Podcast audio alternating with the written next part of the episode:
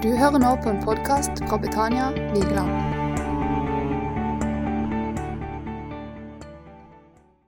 Da er det jo kanskje naturlig at når Gud er Gud, suveren i makt og i visdom og herlighet, så vil jo han velge ut noen likesinnede. Noe som er, er veldig bra, noe som uh, kan noe, noe som er noe, osv.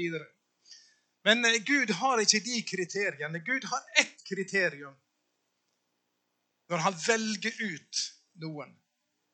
Og Det kriterium, det står i kriteriet, det står i Efeserbrevet i det første kapittel og vers 4. Og Der står det slik I Kristus har han utvalgt oss før verdens grunnvoll ble lagt. Så de som Gud utvelger, de som er Guds utvalgte, det er altså de som har tatt imot frelsen i Jesus Kristus. Uansett hudfarge, uansett nasjonalitet, uansett om de er høy eller lav på den menneskelige rangstigen. De som har tatt imot Jesus Kristus, de er utvalgt, og Gud gjorde det fra før verdens grunnlag ble lagt. Så bestemte han de som tar imot frelsen i Jesus Kristus, de er utvalgt. De er Guds utvalgte. Men da må vi jo også tenke litt på dere som har lest godt, og det har sikkert alle. I Korintiabrevet så skriver jo Paulus noe underlig. at eh, Om de som er utvalgt, så sier han 'legg merke til kallet deres'. Og så sier han det at eh, det som var dårlig i verden Og så bruker han mange, mange sånne litt negative ord. Det som står svakt, det som er forakta, det som ikke er noe, det utvalgte Gud seg. Da kan du jo tenke at ja, men bare du er dårlig nok, da, så blir du utvalgt. Bare du er langt nede på rangstigen, så er du utvalgt. Nei, det er ikke slik å forstå. For i den neste setninga så sier han 'for at ingen skal rose seg' og ha noe å være stolt av. Så Gud han, han velger ikke Han har ikke favoritter blant de som er dårlige. Til dårligere du er, til, til mer blir du utvalgt. Men det er fordi at ingen skal rose seg. Alle stiller slikt. Men de som tror seg å være noe, de regner først veldig ofte evangeliet som dårskap. Og dermed så blir ikke de utvalgt. Så er jo neste spørsmål hva er vi utvalgt til? For det er jo klart at når eh, jeg nevnte Støre og Vedum, så hadde de en helt klar hensikt med det de valgte ut. Det var en oppgave som venta for dem. Det var noe helt konkret. Og når Gud velger ut noen, så har han en, en plan med det. Han har en hensikt med det. Og det Gud gjør, det er at han velger ut oss som er tatt imot frelsen i Jesus Kristus til å være hans folk. Gud vil ha et folk som hører han til i verden. Da skal vi ta oss tid til å lese ifra, ifra Peters første brev. Og Der står det noe, noe helt klart hva, hva, Gud har i tanken med å velge ut. Første Peters brev. Vi tar med det? Her står det, kapittel 2. Og nå skriver han til de som har tatt imot denne frelse i Jesus Kristus. Men dere Kapittel 2 vers 9. Men dere er en utvalgt slekt, et kongelig presteskap, et hellig folk, et folk som Gud har vunnet, for at dere skal forkynne Hans store verk, Han som kalte dere fra mørket og inn i sitt underfulle lys. Dere som før ikke var et folk, dere er nå Guds folk. Dere som før ikke fant barmhjertighet, har nå funnet barmhjertighet.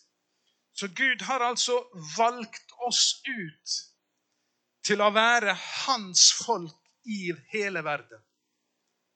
Og Derfor er så, så er vi som, som, har tatt imot denne frelse, enten vi vi er hvite eller svarte, gule eller, eller hva det måtte være. Og uansett nasjonalitet så tilhører vi og få lov til å si om oss sjøl at vi tilhører Guds folk i verden. For Gud har altså på tross av all den elendighet som finnes i denne verden Vi, kan, eh, vi blir kanskje sjokkert når vi, når vi leser, vi ser på TV, og, og vi, vi merker liksom hvordan verden ligger i det onde. Så har Gud et folk som er hans folk i denne verden. Og Gud har en hensikt med dette folket. Han har en hensikt med meg, og han har en hensikt med deg. Så sant du tilhører dette folket, så har Gud en klar hensikt med oss som Guds folk.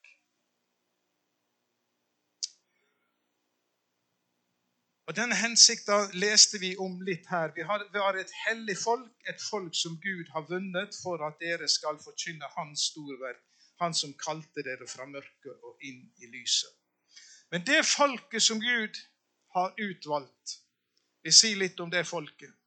For det er et forsonet og et tilgitt folk. Prøv å tygge litt på det. Et forsonet og et tilgitt folk. Forsona med Gud på grunn av Jesu frelsesverk. Tilgitt på grunn av det som Jesus gjorde på korset. Så er vi blitt det folket som er forsona med den levende Gud. Det betyr jo ikke at vi er syndfri. Det betyr jo ikke at vi er feilfri. Men det betyr at vi er forsonet med Gud. Noen ganger så blir vi liksom Hva skal vi si eh, vi har, eh, vi har bibelgruppe som vi også er med i. Og eh, i den bibelgruppa vår så er det folk som er mye yngre enn jeg og kona mi. Folk som er under 30 år. Og så er vi da noen få gamlinger. Så hender det jo det at vi, vi, vi åpner opp i en sånn mindre gruppe, så er jo det litt lettere.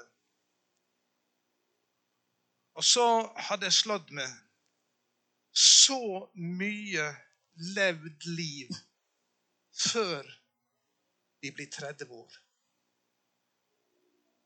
Så mye skuffelser. Så mye sår. Så mye nederlag. Så mye sorg. Så mye brutte relasjoner i såpass ung alder. Og forteller det oss Det forteller oss at livet er ingen dans på roser, selv om du er kristen. Det forteller oss at vi er ikke feilfrie selv om vi er kristne. Vi lever et liv, og vi lever det i verden, og blir ramma av mange ting som er i verden. Er det noen få som er sånn sånn bortimot like gamle som meg. Men jeg vet ikke om dere hadde samme interesse for skøyteløp som jeg hadde da jeg var ung. Men eh, når jeg var ung, så, så var jo Norge på verdenstoppen i skøyteløp. Vi hadde jo Kuppen. Vi hadde Fred Anton Maier. Vi hadde de fire S-ene. Og vi, vi, vi, vi feia de andre av banen. Så var det en og annen nederlender som prøvde å yppe seg, men uh, som regel så men så hendte det jo noen ganger Det hendte de beste. At uh, plutselig så gjorde de et feilskjær. Og de seilte på baken bort gjennom glatt is. Og løpet, spesielt hvis det var 500 meter, så var det jo helt håpløst. Verre var det jo og var det 1500 meter. På 10 000 meter så kunne jo de kanskje prøve å redde opp igjen noen, men, mens løpet var jo egentlig spolert. Et feilskjær, et lite feilskjær, som gjorde at de seilte bortover isen. Løpet spolert. Og Jeg satt og hørte på, på, på ja, i grupper og, og mange andre ganger òg. Så vet du jo der har vært feilskjær i manges liv. Stygge feilskjær. Nederlag og fall. Og hva da? Er vi da forsona med Gud? Er vi da, lever vi da i tilgivelse? Er vi da et tilgitt folk? Eller må vi bare prøve å reise oss opp igjen og så si at ja, ja, det var det. Det var det kristne løpet. Nå er det slutt. Hvis jeg spør dere hvem av de tolv disiplene hadde det største feilskjæren? hva vil dere svare da? Jeg hørte ikke hva dere sa, men jeg kan si det. Peter av disiplene. Det var jo han. Alle forlot han jo i Getsemane. Men om Peter står det jo Han fulgte jo inn i ypperste prestens gård. Og hva skjedde der? Når ei, ei, ei uh, jente, tjenestejente der begynte å spørre ja, men, ja, men du jo, var jo en av de. Nei, nei, sier Peter, jeg kjenner ikke denne mannen. Men han gav seg jo ikke med det. Og når Markus blant annet skriver Markus var var jo en av, av Peters eh, sekretærer etterpå. Han skrev jo Markusevangeliet ettersom Peter siterte. Og Peter la jo ingenting imellom når han, når han fortalte til Markus hva han skulle skrive. Og Der står det i Markusevangeliet Peter gav seg til å banne og sverge. Jeg kjenner ikke denne mannen. Så går Jesus forbi og ser på Peter, og Peter går ut og han gråter bittert. Han hadde nok det største feilskjæret, selv om de hadde det alle. Men når Jesus har stått opp, så sier han jo til de første som møter, hils særlig til Peter. Og Så vet ikke vi hva som skjedde når Jesus og Peter hadde sin første samtale etter oppstandelsen. Men vi vet hva som skjedde ved Genesaretsjøen når, eh, når de hadde fått denne store fiskefangsten, og det viste seg at Jesus han sto på stranda. Og Så kommer de, denne samtalen mellom Peter og Jesus. Og så spør Jesus Peter elsker du meg tre ganger. Peter må Den siste gangen så svarer han du vet alt jeg deg kjær. Ja. Men hva gjør Jesus? Hva skjer med Peter etterpå? Han som har hatt det største feilskjæret. Jo, når pinsefestens dag kommer, hvem er det som står fram sammen med de elleve? Det er jo Peter. Og du kan jo tenke, ja, men kjære deg, hvorfor, hvorfor kunne, ikke, kunne ikke de velge Johannes? Han var jo den som lå opp til Jesu hjerte ved nadværsmåltidet. eh. At ikke de valgte han. Men det er Peter som står fram. Og det er Peter som står fram og sier Judas han, han gikk til sitt eget sted. Han fornekta. Han, han sveik. Vi må velge en ny en. Du snakker om Var han frekk, eller var han frimodig? Eller visste han noe? Jo, han visste noe. Han visste nemlig at han hadde fått oppleve tilgivelsens nåde. På tross av sine feiltrinn, på tross av det han hadde gjort, så fikk han oppleve han var forsonet, han var tilgitt på grunn av det Jesus gjorde. Og Senere ut i apostelens gjerninger så finner du hvem er det som går til hedningefolket. Hvem er det som går til Kornelius' hus og forkynner frelse for dem? Jo, det er Peter. Det er Peter. Du ser, og jeg har lyst til å si det i formiddag Det kan hende det er noen her som føler du har, du har et feilskjær i livet og kanskje ikke bare ett. Men vi har våre sår, vi har våre nederlag, vi har våre, våre mistak, om vi skal si det sånn. Og, og vi, vi, vi, føler vi er ikke fullkomne i vår vandring. Nei. Men der er en Gud som er forsoningens Gud. Og Der står det når vi bekjenner våre synder, er Han trofast og rettferdig. Han forlater oss syndene våre, og Han renser oss ifra all urettferdighet. Du ser Det fortelles Jeg vet ikke om det er helt sant, eller, eller det, det, har vel en rot av sannhet i seg, iallfall. Men det, det fortelles om kong Olav. Han levde. Så var han eh, Jeg tror han, de var i en samling med unge mennesker. Og så kom der en, eh, blant annet en, en mørkhuda en, da. Og så spør kong Olav hvor kommer du ifra? Fra Groruddalen, sier han. Groruddalen. Ja, men så sier han kong Olav, ja, men hvor kommer du egentlig ifra? Fra Groruddalen.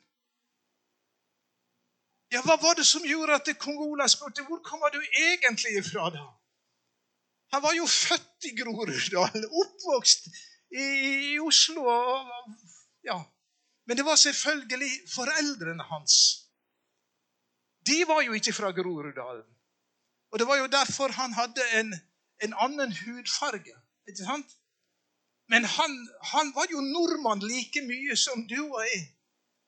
Men han hadde altså en farge som forteller at han kom et annet sted ifra. Og du ser, vi som lever som kristne mennesker, som er forsona med Gud, vi bærer med oss noe som forteller vi har også vært i, annet, i en annen verden. Vi bærer med oss noe av fallets natur i oss. Men Gud, han har ført oss ut ifra mørket og inn i lyset. Ut ifra Satans makt og inn i Guds underfulle lys. Vi hører det nye riket til, vi hører Gud til. Vi er et forsonet, vi er et tilgitt folk. Selvfølgelig så går det an å så, så falle dypt og, og, og, ikke gjøre opp og bare fortsette å leve. Men, men eh, Gud sier at når vi bekjenner våre synder, er han trofast og rettferdig.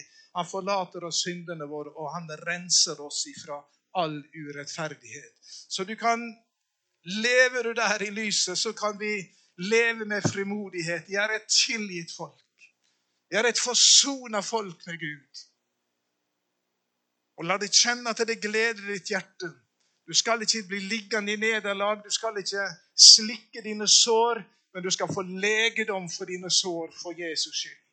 Og du kan leve som et helt oppreist menneske gjennom troen på Jesus Kristus. Et forsonet og et tilgitt folk. Og vi er noe mer. Vi er et folk som er elsket med betingelsesløs kjærlighet. Vi er elsket med betingelsesløs kjærlighet. Gud setter ikke en, en rekke med krav som vi skal oppfylle for å være elsket. Og vi vet jo hva det betyr, enten du er enten for barn eller for voksne å vite at det, den kjærlighet som vi blir møtt med, den er betingelsesløs. Det er ikke fordi at vi gjør det ene og vi gjør det andre, og vi greier det ene og vi greier det andre. Men Gud elsker oss med en betingelsesløs kjærlighet. Setter ikke en del betingelser for at du skal være hans elskede barn. Når du kommer til Kristus, i Kristus Jesus, så elsker han oss. Vi kan ha mye bagasje med oss. Vi kan ha mye skuffelser, som er nevnt. Men Paulus skriver i romerbrevet han stiller dette spørsmålet hvem skal skille oss fra Kristi kjærlighet? Verken det som er, eller det som kommer. Noen makt, verken død eller liv, skal kunne skille oss ifra Guds kjærlighet i Jesus Kristus. Vi er elsket av Gud. Nå la det synke ned i oss alltid. Det kan lett være lett å, å tenke på det og dvele ved det når du er liksom på høyden. Men når du føler de tunge dagene, når du føler mismotet vil komme over deg, så prøv å si til deg sjøl du er elsket betingelsesløst av Gud. Slik er Guds kjærlighet, og slik er det å, å leve som Guds folk i tiden.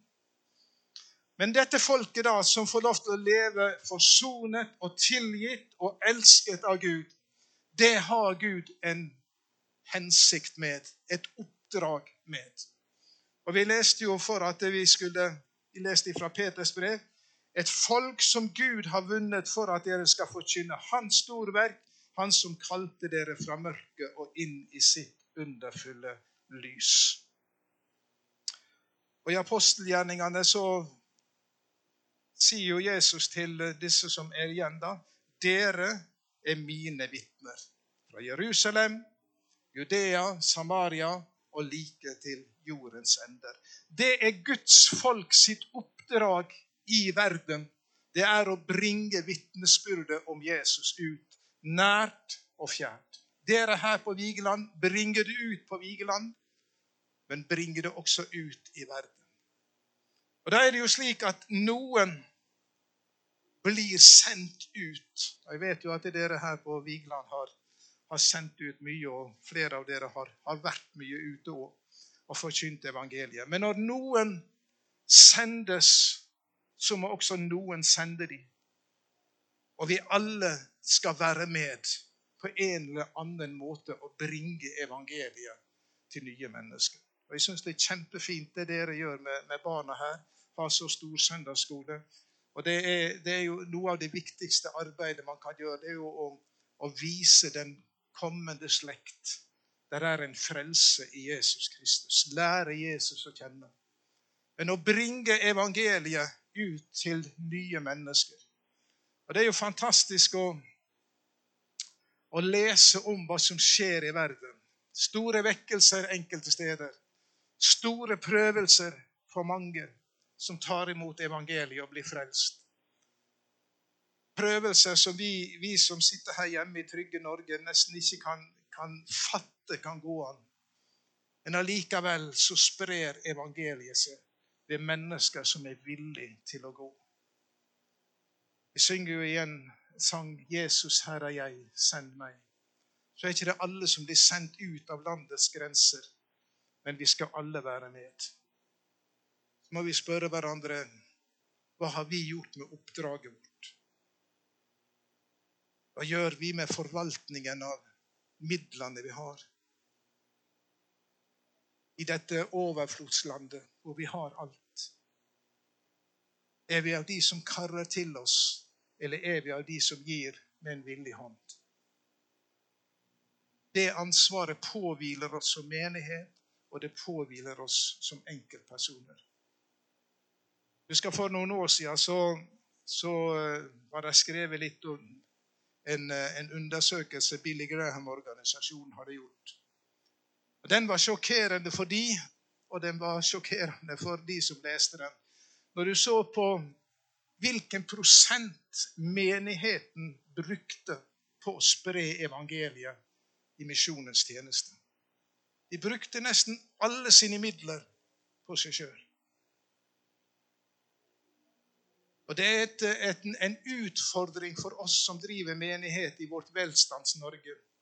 Hvor mye av penger som blir samla inn i løpet av en måned, i løpet av et år, som brukes på å få ut evangeliet til nye mennesker. Jesus sa fra Samaria, Galilea og til jordens ender. Vi er kalt til å drive misjon. Vi er kalt til å være med og sende ut. Og da trengs det midlene våre. Og En annen ting som, som også Gud ønsker og vil og regner med at hans folk skal være, det er et folk som er solidarisk med de fattige, de nødlidende og de fengslede. Det Gud regner med sitt folk i denne verden som skal gjøre det. I menigheten i Antiokia Les om det tidlige apostelens gjerninger. Så var det Der var jo Paulus, og der var flere andre, og det var, det var vekkelse, og det var liv. Så kom der en profet som heter Agabus. Og så profeterte han at det skulle komme en nødstid over folket, spesielt kanskje over Judea og Jerusalem og rundt der. Hva gjør menigheten der? En nyfrelst, nesten, kan vi si, forsamling. Men de handler på denne profetens ord, og så setter de i gang en innsamling. Og så sender de bl.a. Paulus og Barabas ned til Jerusalem med denne store gaven som de hadde samla inn. Fordi at de tok ansvar for den nødtiden som skulle komme. Og Når Paulus senere reiser rundt på, på sin misjonsreise, og han, eh, han, får motstand, og det er noen som anklager han også Når han skal forsvare seg, så sier han når vi var sammen med apostlene, de som gikk sammen med Jesus når han var her nede, så fikk vi et oppdrag. Og vi fikk en, en, en eh, De gav oss samfunnshånd på den måten at eh, de aksepterte vår misjonsvirksomhet. Og så hadde de gitt dem ett påbud. Dere må særlig huske på de fattige. Og så skriver Paulus og det har vi også lagt vind på. Så ser vi at eh, rundt omkring i verden spesielt, men også her i Norge, så finnes det noen som faller utenom noen som ikke har den overfloden som vi andre har. Ikke den velstanden som andre har. Og så kan vi si ja, men hva har vi med det å gjøre? Ja, men vi er Guds folk i Norge. Vi er Guds folk i Kristiansand. Vi er Guds folk på Vigeland. Gud regner med oss. Vi skal ha noe å gi. Vi skal gi evangeliet. Vi skal gi til misjon. Vi skal sende ut, vi skal støtte, vi skal evangelisere blant nasjoner som vi, de fleste av oss aldri har vært i. Og vi skal bringe evangeliet også til bygda vår og byen vår vi bor i. Og vi skal også ikke bare tenke på, men vi skal bidra til de fattige. Ja, men de har vel stelt seg sånn sjøl, da, sier noen. Det er jo deres egen skyld. De må jo finne seg jobb. De må jo få det til, de òg, sånn som vi har fått til. Det er ikke det Jesus sier. Men han sier at vi skal ha hjerte, vi skal ha omsorg for de som har lite. Ja, men jeg har så lite å bidra med. Ja, det kan godt hende. Men Jesus sier om noen gir om så et beger med kaldt vann, så skal ikke det miste sin lønn så er det noe av utfordringene vi har i vår tid. Men vi er Guds folk, et folk som Gud regner med til å utbre evangeliet, til å vise forsoningens tjeneste, til å være med og bringe et budskap om en som elsker oss så høyt at han gav sitt liv for oss. Vise det i ord, vise det i gjerning slik at det folket som Gud har utvalgt, viser seg som lys og salt i en ond og en vanskelig verden. Og Vi lever i et velstandssamfunn. Men jeg tror vi alle sammen som hører til Guds folk, vi kjenner på trykket rundt oss. Vi kjenner på hvordan det, det, det mørke vil, vil liksom ta kvelertak på mange måter. Da trenger vi en oppmuntring av Herren. Vi skal få lov til å være med og spre lyset. Ikke forbanne mørket, men vi skal få se lyset og bringe det videre til nye mennesker. Og Det trenger vi en nåde ifra Gud til å gjøre. Kanskje vi skal ta en stund og be sammen om det. Herren får lov til å tenne en enda større ild og en brann i våre hjerter, slik at vi viser oss vi er Guds folk i verden. Vi er Guds folk på Vigeland. Et annerledes folk. Et folk som hører Herren til. I Kristiansand, i Norge, i enhver plass der det er en menighet, så har Gud et folk som han regner med i vår tid. Og vi ber om det. Vet ikke om det er noen som tenker som så at jeg trenger en spesiell nåde, en berøring av Herren, til å, til å være dette lyset, være dette folket, eller vise meg som dette folket som Gud har satt meg inn i. Kan du jo løfte hånda di, så tar vi det med. Ber om det. Gud kjenner våre hjerter og våre liv. Vi ber, vi kjenner det sikkert på det alle sammen, og vi, vi ber om nåde og hjelp.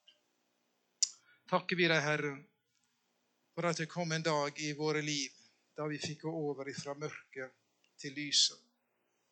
Da vi fikk eh, gå over ifra Satans makt og til Gud. Du flyttet oss over i ditt rike gjennom troen på Jesus Kristus.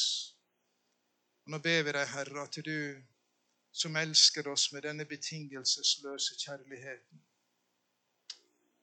takker deg, Herre, for at vi får leve i den.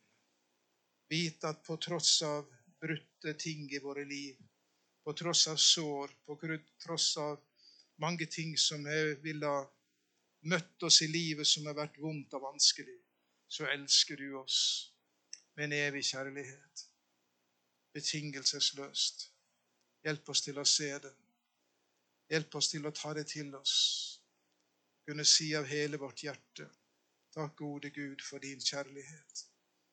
Nå ber vi deg om hjelp til å leve slik i denne verden, på det stedet vi er, at vi kan vise oss som lysets folk, som Guds folk, som har omsorg for å spre evangeliet, omsorg for å dele det med andre, omsorg for de som lider vondt, uansett stilling og rang, Herre. Så ber vi om nåde til det. Takk at du vil velsigne ditt folk. Du vil møte oss som ditt folk med ny kraft og med ny salvelse, slik at vi kan leve et liv som er med å bringe ære over deg, du som kjøpte oss med Jesu dyrebare blod. Velsigne flokken her på Vigeland. La de få fremgang og vekst i menigheten fremdeles, både blant unge og blant eldre. Takk at du velsigner lederskap. Du velsigner hver enkelt som er med og gjør en gjerning her. La din velsignelse hvile over din far. Og det kjennes og merkes på Vigeland. Der er et folk som samles i Betania. Der er et folk som går ut fra Betania og er med og er salt og lys på denne plassen. Vi ber om det, Herre. Velsign det rikelig, og la det lykkes til ditt navns ære. Amen.